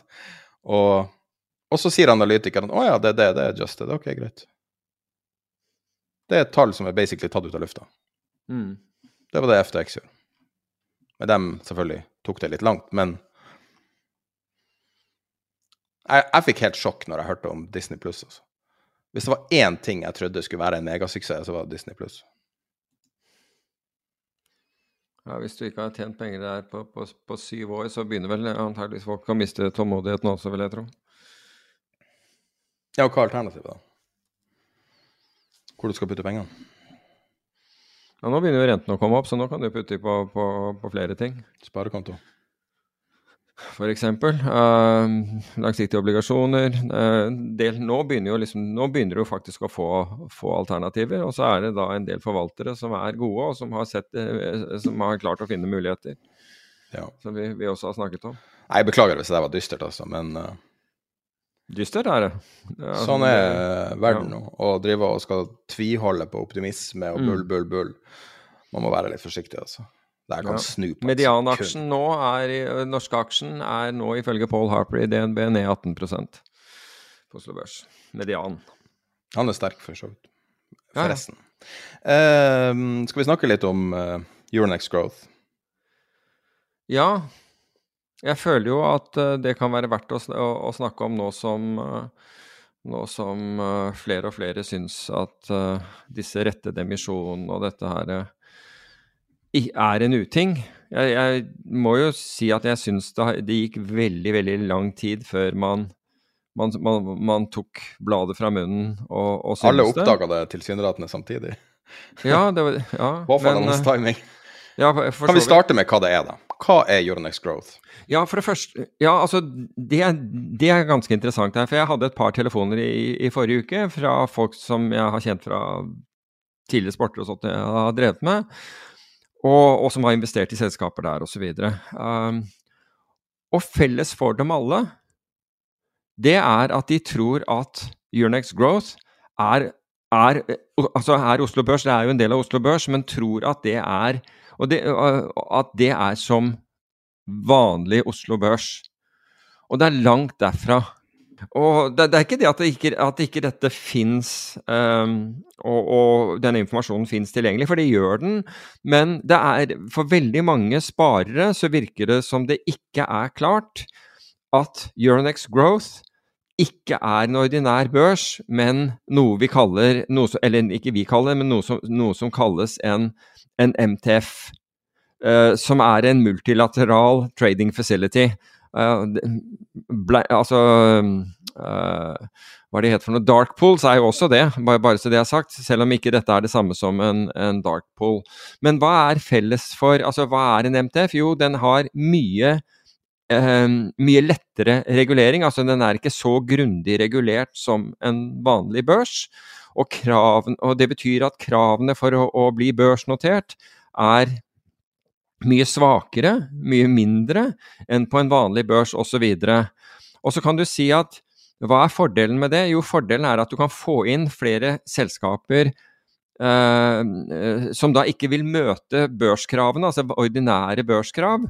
De kan du få inn denne veien på, det, på, på Euronex Growth.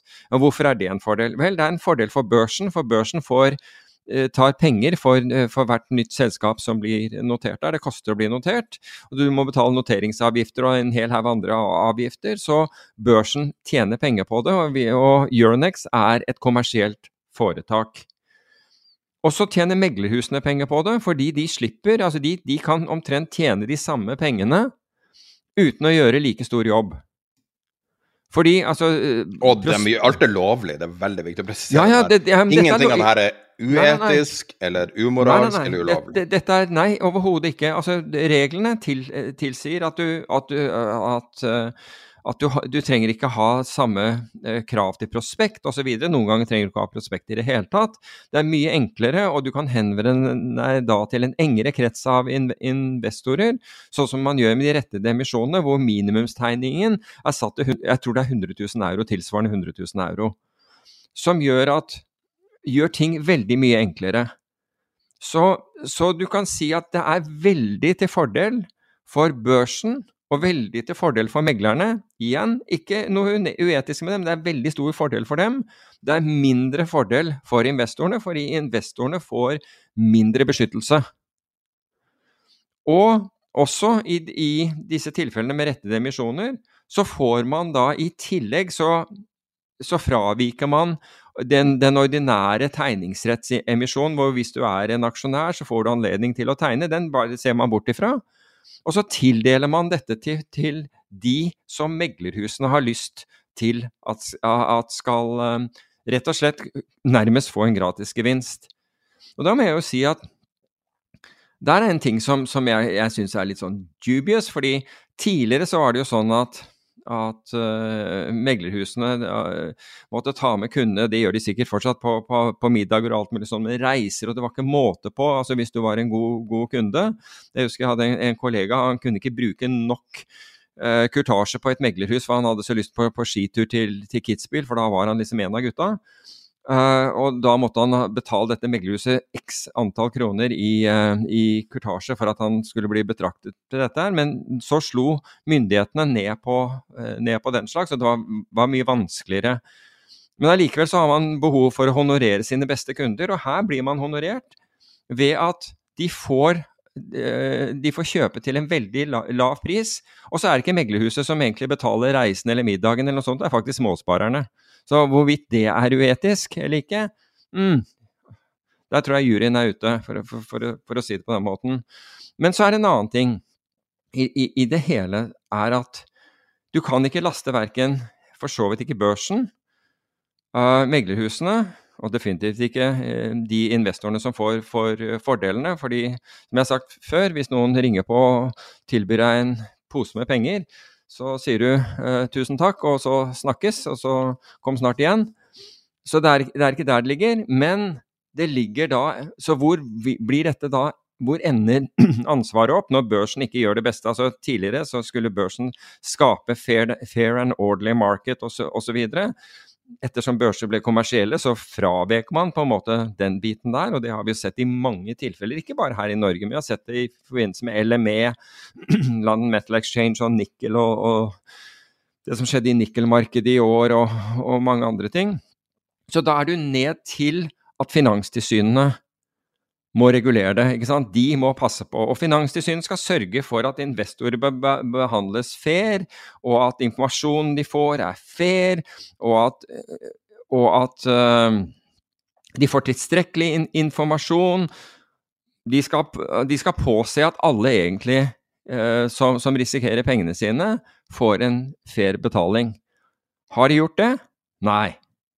Ikke i det hele tatt. Ikke et øyeblikk synes det som de har vært opptatt av, av dette her.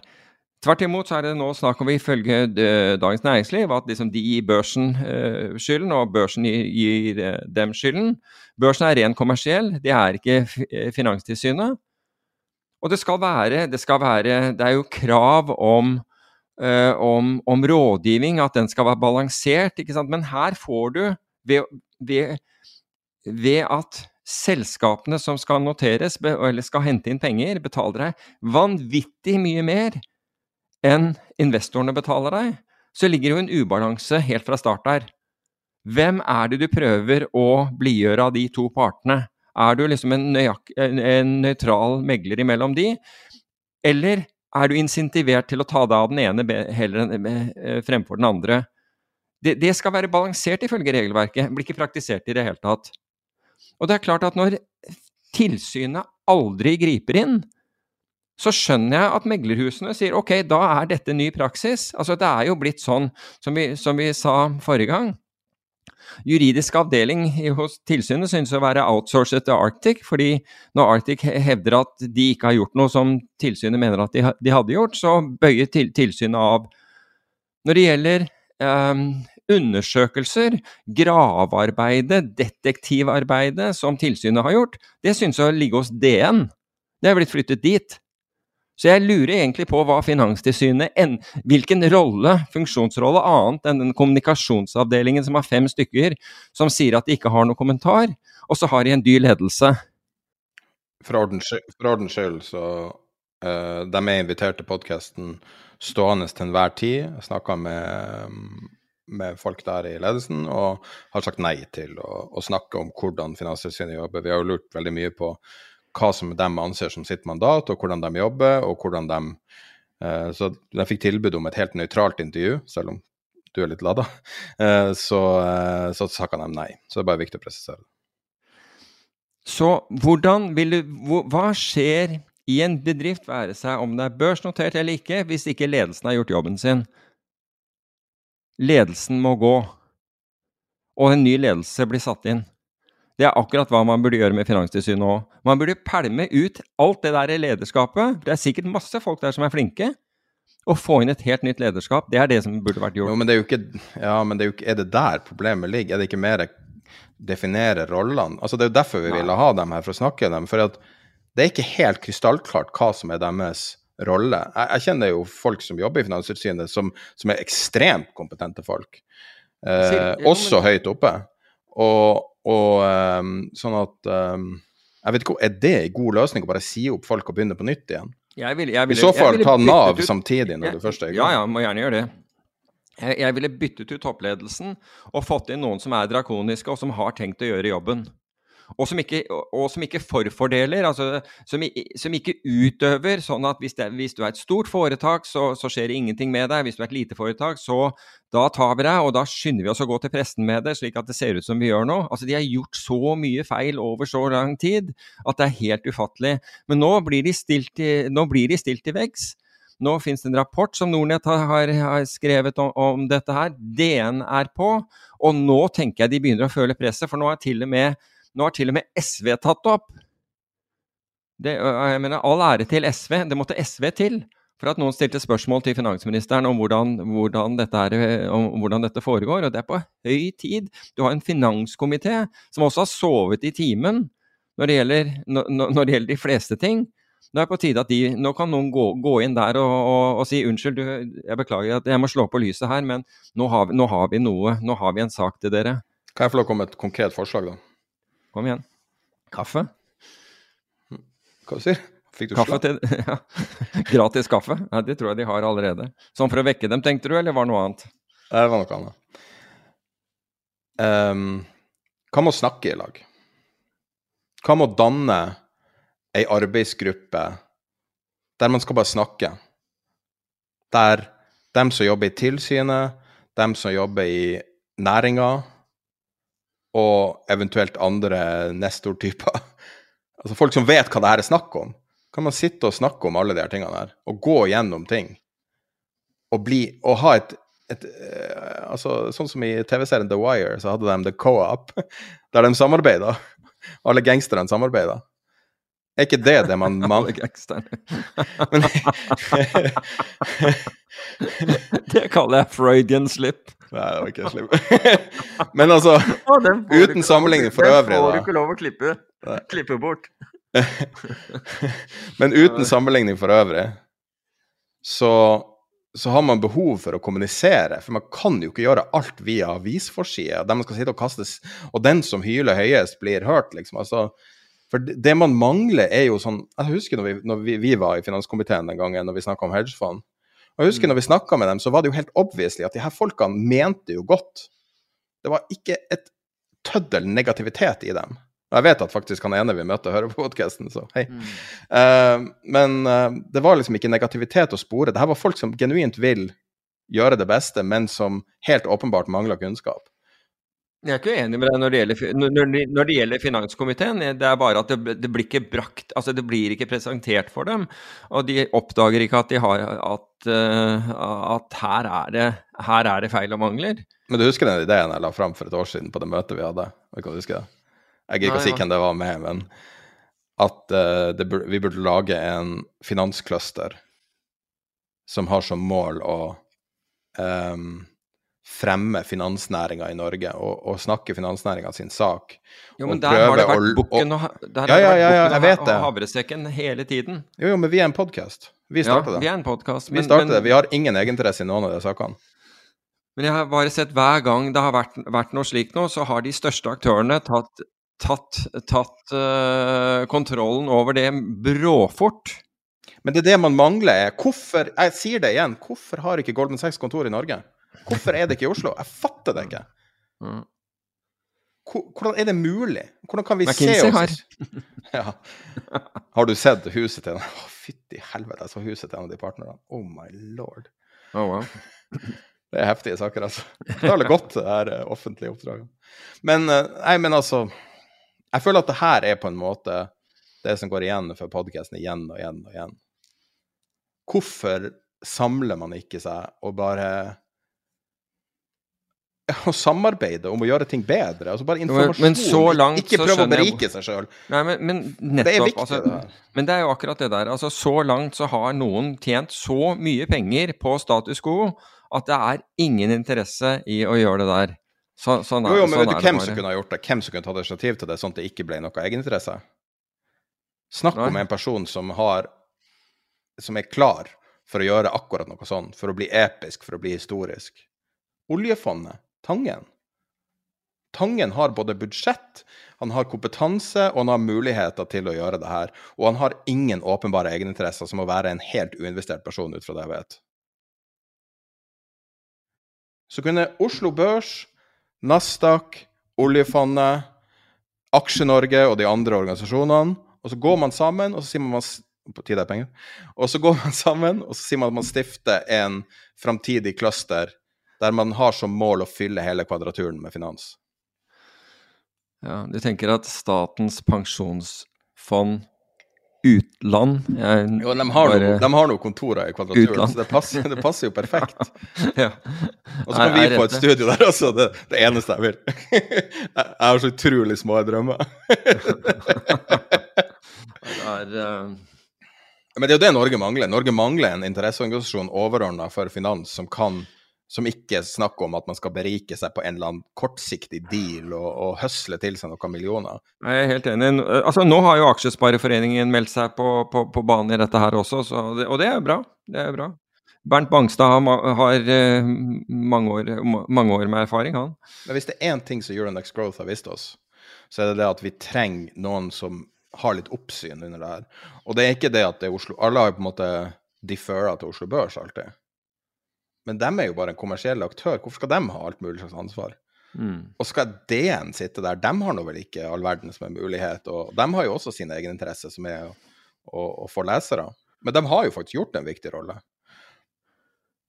Men de, de klarte jo altså Tross alt så har de klart å avdekke det, det, og, og, og det, der, det der er et gjetord innen finans. Altså, eh, ting, blir ikke, ting skjer ikke hos Finanstilsynet hvis ikke DN har skrevet om det. Nei, det, det, er, det har alltid vært som med skatteetaten. Nettopp. altså. Så det er en grunn til at, eh, at den setningen lever. for å si det på den måten. Men uh, Altså, jeg tror at Norge har alle uh, ingrediensene for å, å, få noe å ta, å ta over. Da det der het Merkur Market, så var det jo ingen som var jo knapt noen som ville være borti det, ikke sant? Jeg mener at det var det det het. Jeg, sa jeg, jeg skulle prøve å slå det opp, men jeg klarte ikke å Det var vel det Merkur? Ja, jeg tror det var, noe, jeg tror det, var det det het. Det er mye bedre branding av Euronext, ja, det skal de ha. Ja. Det høres veldig flott ut. Ja, hvis visst gjør det, ikke sant. Det har virket som bare det, det. Og, og det er klart, og det er ikke jeg, jeg, jeg, Jo, men jeg sier ikke at det er børsens feil at, at, at småsparere ikke har oppdaget at dette ikke er, eh, ikke er, eh, er Oslo Børs, Oslo Børs. Uh, det kan godt hende at det opplyses mer, mer enn nok om, men jeg er ikke mer enn nok, fordi det er tydeligvis ikke nok. Tydeligvis ikke nok. Det er jo en grunn til at de kaller det Euronext Growth, og, og altså ha, at alle har en sånn Nå vet jeg ikke hva de andre indeksene heter. OECBX har vel sikkert en, en lignende uh, tittel. Men det er jo for at det skal se proft ut og se, se ut som at det her er noen som tar vare på det. Men de har jo et ansvar knytta til markedsføringa på lik linje med meglerhus og uh, andre aktører som er sånne hybridaktører. Så har man jo et ansvar om å kanskje ikke beskytte investorene, men i hvert fall informere dem tydelig. Men altså, og, og, der hvor da tilsynet har oppdaget at det er at meglerhus ikke har gjort eh, en, en jobben riktig når det gjelder f.eks. emisjoner og andre ting, eller intro, introduksjoner, så Og det blir ikke reagert. Det blir, ikke sant? Altså, vi syns ikke det gjør det. Å, nei, men vi, eh, sånn som vi tolker det, så gjør vi det helt riktig. Ja, å oh, ja. Nei, det er fint, det. Greit, vi snakkes, da. Så oljefondet ja. kan kjøpe hele kvadraturen, det er det som er tingen der? altså, all, alt kan, sammen. Kan Tenk jo ikke det, vet du, for det investerer, det investerer, ikke i Norge, så det kan faktisk ikke det. Jo, jo. Det må bli Folketrygdfondet i mandat. Ja, Folketrygdfondet har jo masse penger. Ja, det de gjør det. Nei, jeg, jeg, føler vi er inne på noe. Vi har jo snakka om de tingene før, da. Men... Ja, vi har det. Men det har bare blitt verre siden. Det er, det er derfor jeg tar det opp. Ja. Nei, Euronext Growth er jo unektelig en negativ story. Men du kan snakke om um, det nye fondet. Også sto ideen. Ja. Uh, superfond, det er litt av en ting. Ja, superfond, det, det var jo og, hva, Nå uh, må jeg innrømme at uh, Hva var det de het, av De som er, fordi de har jo ikke ikke Norslab, ja, som, som med, med, med, Tom Hestnes som, som, som, forvalter. Som skal sette i gang dette, dette Eh, selskapsobligasjonsfond. Eller, eh, så vidt jeg forstår, så er det vel et high yield-fond. Uh, som tydeligvis skal bli veldig svært, og minimuminvesteringen du kan gjøre der, er 50 millioner. Uh, kroner. Det er, det er, dette som en AIF, så må jeg si Jeg har skrevet liksom 'same shit but better wrapping'. Altså Jeg mener ikke 'same shit' som, som, som dårlig, men jeg mener at dette markedet, og vi har snakket om det tidligere, det å ha daglig likviditet i noe som absolutt ikke har, har, daglig likviditet, er meningsløst. Og når du ser på at de fleste norske, i hvert fall sånn som jeg har, så vidt jeg kan se, er, er high yield-fondene er rundt null, noen er positive på året, mens de europeiske er ned 13 og, og amerikanske er ned 15% og det er markeder som uh, hvor, hvor, hvor det stilles priser, så kan du lure på om de om, om eh, det prises riktig i Norge. Men poenget er at ved, ved, å sette opp et fond som en AIF, altså da som ikke har daglig likviditet, så er det en mye riktigere struktur for, uh, for en sånn aktiva-klasse enn daglig likviditet som man har i Norge, hvor det ikke fins en eneste marketmaker. Um, og, og, og, prisene beregnes etter en modell. Bare, bare, Noe som de fleste sluttet med et, etter 2008, når man så hvordan det gikk. Kan jeg bare så, stille et spørsmål, for de bruker begrepet superfond. Er det et kallenavn, eller er det relatert til det som kalles superfund, som er vel en struktur som enkelte pensjonsfond har? Nei, jeg tror, jeg tror, det der er bare, bare et kallenavn på, på, det, på rett og slett fordi det skal bli så stort. Fordi han skulle opprinnelig gjøre det under Alfred Berg-paraplyen, og så ble ikke det noe av. og så og så dukker han opp her eh, halvt år eller mer senere, kanskje det er et år nå, og, og, skal gjøre det. Så altså markedet er ikke større enn det, enn det er. Altså, det er ikke det at ikke dette markedet kan, kan, kan, vokse, men det er vanskelig å komme seg ut. Altså hvis, eh, hvis du prøver å, å selge inn i det, det markedet, hvis, hvis, fem, altså, eller tre store investorer prøver å selge samtidig, så, så må man nesten suspendere innløsninger osv. i noen dager. Så dette er jo ikke et likvid marked i så måte. Så ved å lage det som et, denne type fond som ikke har daglig Eh, daglig eh, innløsning, så har man mye større sjanse for at man kan, kan, operere i dette markedet. Og så, og så, Samtidig så viser man at det er, mer, er det mer representativt for risikoen som befinner seg i disse papirene. Fordi hva, hva er Norselab? Oh, ja. Hva er Ja, Altså, vidt jeg forstår, så er det en, nærmest en inkubator. Så, så jeg, jeg, kjenner ikke til uh, selskapet. Men jeg, men jeg, mener at jeg leste at Aksel Lund Svindal var, uh, var uh, Om han er eier eller et eller annet sånt, eller storeier Han har vel fått 2 for å være i avisa? Det, sånn det vet jeg ikke. Det, det, vet jeg ikke. Men han er jo, han er jo skarp investor, altså. Så. Ja, ja. For all del. Jeg har ikke noe Jeg har ikke aldri møtt ham, men jeg er kjent for det. Jeg hilste på ham briefly på, på Rudskogen siste løpet som var der. Men eh, skal vi avslutte med, med hva, hva, Pimco har gjort, altså i forbindelse med sin, uh, sin ETF som har tikkerkode BOND, B-O-N-D. Den handles, altså Denne ETF-en handles jo da vanligvis elektronisk, som nesten alt, alt gjør, i, gjør, i, dag. Men de har faktisk flyttet da en del, altså flyttet det til børs. Altså du kan handle den elektronisk fortsatt. For å få marketmaking og spesialistfunksjonen fordi de mener at det elektroniske markedet er ikke likvid nok. Og det skjønner jeg godt, fordi elektroniske marketmakere stikker jo av så fort det, er, det kommer en ordentlig ordre. I hvert fall flytter de prisen dramatisk. Og de har da valgt å liste den på jeg tror det er New York Stock Exchange, hvor du da har spesialister, slik at du skal kunne ta unna volum og gjøre en form for hybridnotering, altså ved at den er elektronisk uh, notert i tillegg til, uh, til, til på børs. Så, og, de, og, da tenkte jeg, når jeg leste det, så tenkte jeg dette er virkelig back, back to the future. Dette her, uh, nå, nå, går man tilbake igjen for, for, for, å, for å, skape en, en bedre fremtid. Um, og, og det er litt interessant fordi elektronisk børs har liksom blitt Det er jo der alt foregår for tiden. Så um, i, i, elektronikken, og med alle de problemene som vi har sett der, og mangel på likviditet og kurshopp og flash crashes og, og det hele, så, så, det er jo litt det er Men det de gjør med den manøveren, da, det er at mm. de Det er ikke hvem de tar inn, det er hvem de ikke tar inn, ikke sant? Fordi at siden det er open outcry, så vil alle algotjenester ikke kunne kommunisere med det systemet. Er ikke det det som er poenget? Jo, det, det, vil være riktig, men samtidig så vil du ha da spesialister som jobber bøkene på en annen måte. ikke sant? Så, prøver, altså, så nå prøver du da å finne motparter som, som, som kan være aktuelle, istedenfor at du må liksom teste ordreboken, og gjerne med skjulte ordre og icebergs og alt dette her for å og, for, og, forskjellige typer algoritmer for å prøve å lure uh, marketmaker-robotene og andre robotene som er der. Så, som er en, liksom en teknologisk utfordring uh, i seg selv. Så, så, forsøker man nå å se om dette vil bedre likviditet. Så jeg synes det blir veldig interessant å se hvordan det går med den. Det blir det. Men da var vi slutt for i dag. Og vi er tilbake med en kort episode i løpet av uka. Hvis vi har et intervju, har vi det med. Ellers er det spørsmål og svar som har kommet inn til Peter. Eh, hvis du har noen spørsmål, så er bare å sende dem inn på en av de utallige måtene du kommer i kontakt med oss, e-post eller chat eller Facebook eller mail. Eh, og utenom det så er vi tilbake neste mandag.